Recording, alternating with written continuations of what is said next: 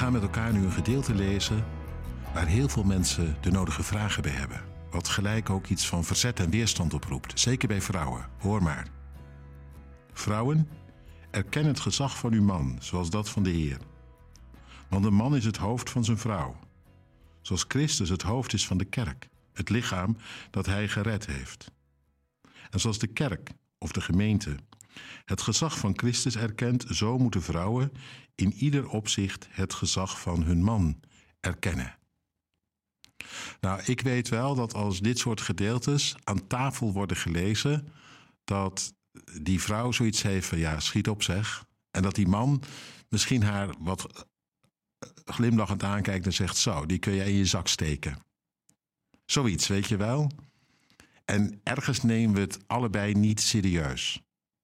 Als vrouw niet, als man niet. En hebben zoiets van, ja, echt Paulus. Iets van vroeger, achterhaald. Ik ga je verrassen. Dit is niet achterhaald, dit is revolutionair. Althans, dat was het sowieso in de wereld van toen. Maar dan moet je eerst even goed lezen wat er echt staat. De vertalingen blijven stuk voor stuk ongelukkig. Wie opgegroeid is bij de Statenvertaling, die weet dat er staat: Vrouwen wees onderdanig aan je man. Nou, dat voelt natuurlijk ook iets van: uh, hij heeft het voor het zeggen, hij is de baas en jij hebt je maar te schikken. Hier staat het in deze NBV 21 met andere woorden. Heb, uh, erken het gezag van je man. Eerlijk gezegd begrijp ik het niet helemaal hoe ze tot zo'n vertaling hebben kunnen komen.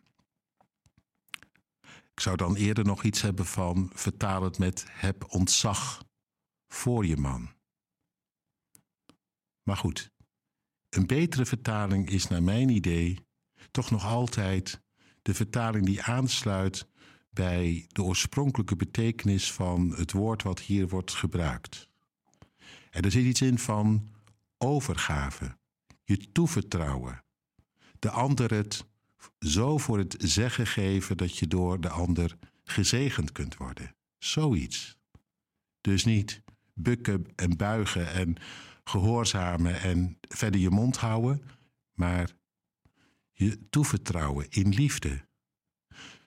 Om uh, zo van de ander te ontvangen wat hij voor jou kan wezen. Ik hoor het ook terug als verwezen wordt naar de relatie tussen Christus en de gemeente. Hij is toch geen tiran die van bovenaf jou even zegt wat je wel en niet moet doen en geen tegenspraak duldt? Voor wie je op een beetje krampachtige, angstvallige manier moet bukken en buigen? Hij is toch degene die je in liefde heeft opgezocht, heeft opgevangen, die voor je door het vuur is gegaan, aan wie je kunt toevertrouwen, helemaal, met liefde, in geloof, met overgave, omdat je weet, Hij zocht en zoekt voor mij het allerbeste.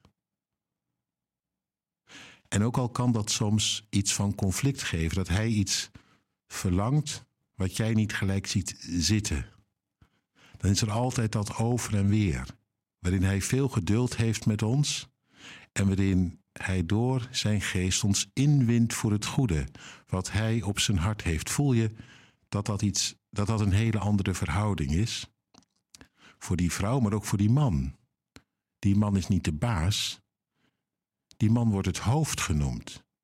Die moet in het liefhebben met kop en schouder boven zijn vrouw uitsteken, zo gezegd. Nou, als dat niet revolutionair is. Want daar zijn mannen niet automatisch kampioen in, toch? In liefhebben, in omzien, in oog hebben voor je vrouw, in het goede zoeken voor haar. Desnoods alles op zij zetten om je voor haar in te zetten. Niks achterhaalt, integendeel. De wereld, in de wereld van toen was het een compleet nieuw verhaal. Net als het vaak nog is, altijd weer in de wereld van nu.